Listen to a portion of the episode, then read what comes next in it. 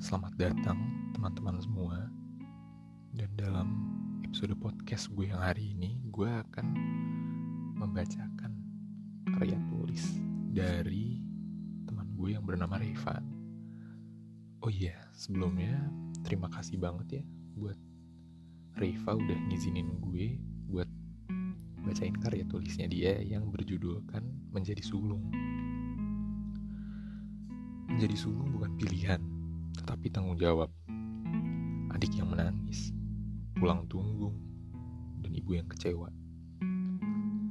Kalau malam, menjadi sulung hanya bisa merenung.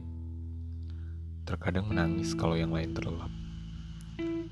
Hidupku ini mungkin tidak selamanya baik, tetapi menjadi baik bukan pilihan, tetapi tanggung jawab. Sewaktu itu adik menangis, menjadi sulung hanya bisa mendekap. Sewaktu itu ibu menangis. Menjadi sulung hanya bisa menggenggam.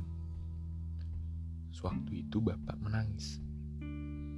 Menjadi sulung hanya bisa mengucap.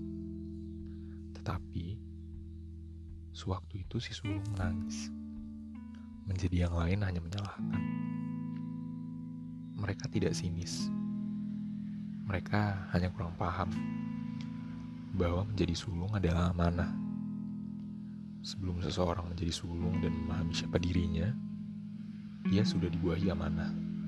Terkadang mendarah daging, sampai tidak tahu mana yang lebih penting, dirinya atau yang lain.